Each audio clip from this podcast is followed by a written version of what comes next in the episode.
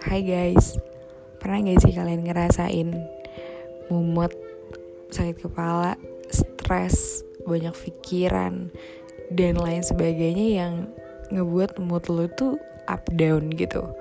Dan kadang di saat lo berada di fase itu, lo butuh banget orang buat dengerin lo pernah gak sih ngalamin itu? Nah sekarang gue ngalamin ini.